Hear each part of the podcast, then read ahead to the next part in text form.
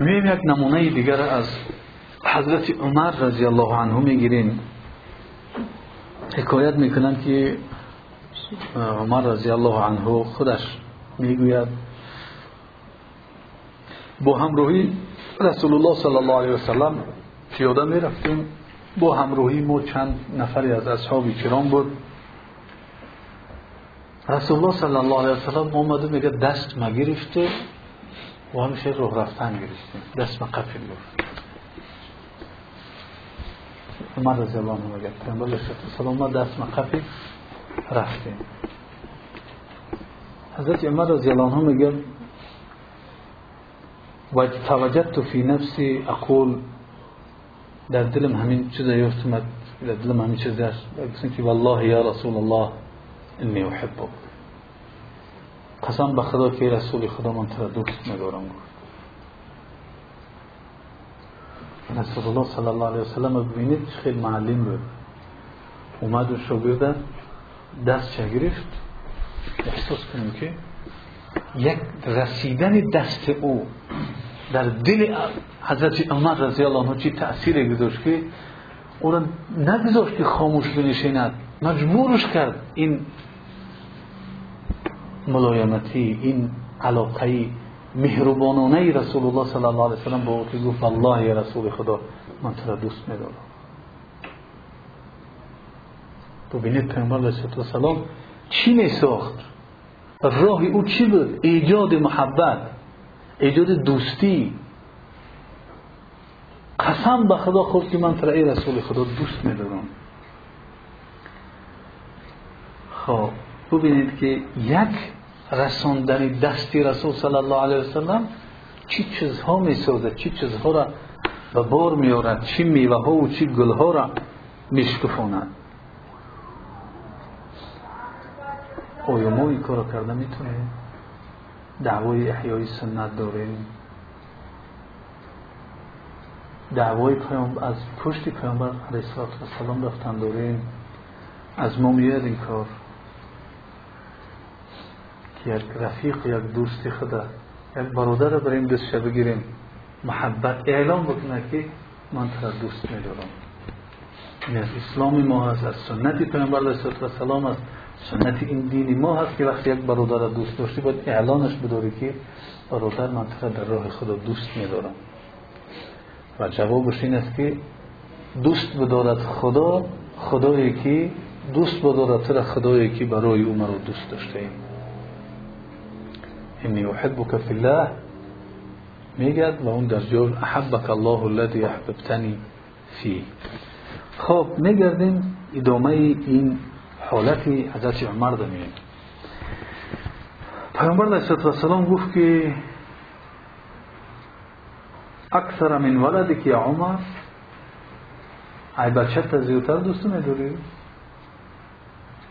ببینید رسول الله صلی الله علیه وسلم چگونه می‌خواهد حقیقت چیزها را ببرد سوال ها چگونه سوال هستند؟ سوال پیش دادن نیست. سوال گل کردن میوه دادن است ثمر دادن است.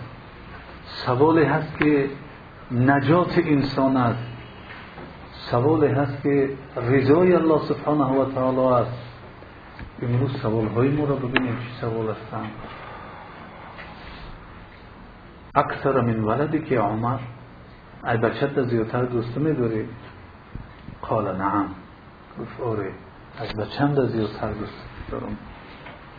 پیامبر علیه السلام گفت که اکثر من اهلی که یا عمر ای اهل ده زیادتر دوست میداری؟ از همسر خانواده ده من زیادتر دوست میداری؟ قال نعم. آره. دوست از اون زیادتر دوست میدارم. پیامبر علیه السلام گفت که اکثر من میلی که یا عمر ای مال در زیادتر من دوست نداری؟ گفت آره. گفت اکثر من نفسی که یا عمر ای خودت دیده من بیشتر دوست نداری؟ قلت لا.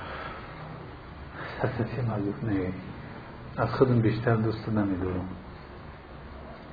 این صداقت ببینید. راستگویی رو ببینید. دروغ نمیگه. در این مکتب دروغ نیست. مکتب ریالی است واقعی است. مکتب حقیقت است. مکتب دروغ و نیرنگ و فرد نیست. یک چیز غیر حقیقتش نشون دادن نیست. مکتب ساختکاری نیست. مکتب حقیقت است. گفت نه رسول ای فرزند و از مال و از اهل و از این چیزا من زیادتر دوستت میدارم ولی از خودم زیادتر دیده نمیدارم. فقال النبي صلى الله عليه وسلم لا يا عمر. لا يكمل إيمانك حتى أكون أحب إليك من نفسك. گفت پس نباشد عمر نمی شود.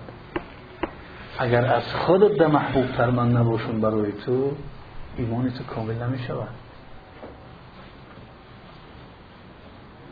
نمی شود.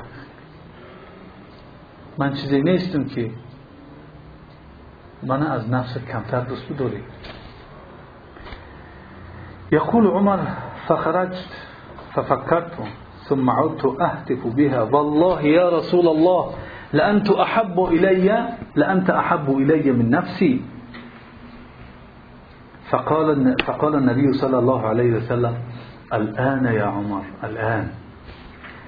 حضرت عمر رضی الله عنه میگه برآمدم فکر کردم اندیشه کردم.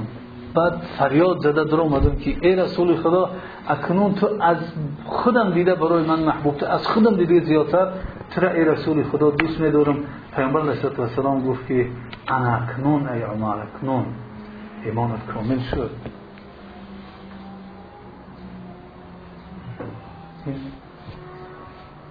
فرزندش عبدالله میگد گفتم که پدر تو چی شد که بیرون اومدی و در اومدی؟ ای گفت گفتی پیش ای گفت گفتی. فرزندش عبدالله سوالش می‌کنه. که پدری چی گفت شد؟ که تو اومدی با فکر دیگه کردی. گفت برو اومدم یا بنای یک فرزندم گفت. من برو اومدم خود سوال کردم که روز قیامت بیشتر محتاج کی هست من؟ محتاج خودم یا محتاج رسول الله؟ به خودم سوال دادم میره روز قیامت من محتاجتر به کی هستم؟ به نفسم یا به رسول الله صلی الله علیه وسلم پس دیدم که حاجت الیه اکثر من حاجت الى نفسی. دیدم که احتیاج من نسبت به رسول الله صلی الله علیه وسلم از احتیاج خودم به خودم دیده بیشتر است. از این جهت و این چنین به خاطر آوردم که من در یک گمراهی بودم. همین نفر سبب شد که من هدایت یافتم. فضیلت ها را انسان ذکر اینا همش فقه هستن برای ما. که یک کسی که بالای ما فضیلت دارد اونو باید فراموش نکنیم. اگر من در گمراهی بودم. این نفر سبب شد که من هدایت یافتم و خداوند به سبب این من را نجات داد. عبدالله گفت که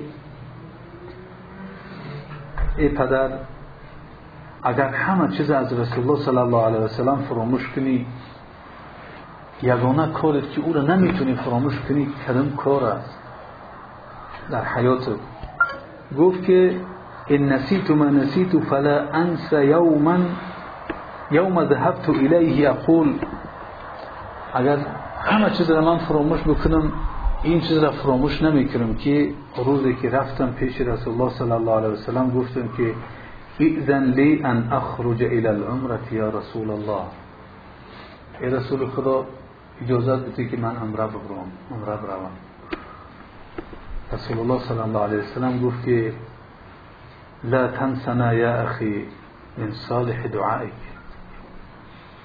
ای برادرم گفت در دعای خیر ما رو فراموش نکنیم رسول الله صلی الله علیه وسلم دیگه این گفت به من گفت که یا اخی ای برادر من در دعاهای نیکت من رو فراموش نکنیم اگر دنیا رو بتیان میگه این چیز برای من بالاتر است از اون دنیا و اون چیزی در دنیا است. و اگر دنیا رو بتیان همش من مخصصا نمیشیدم که رسول الله صلی الله علیه وسلم من اخی گفت و گفت که برادر من از در دعاهایی که من رو فراموش نکنید. این مناسبت این جمله ها و این کلمات رو ببینید که از دنیا قیمت قیمتشو بالاتر است ارزش اونها بالاتر است.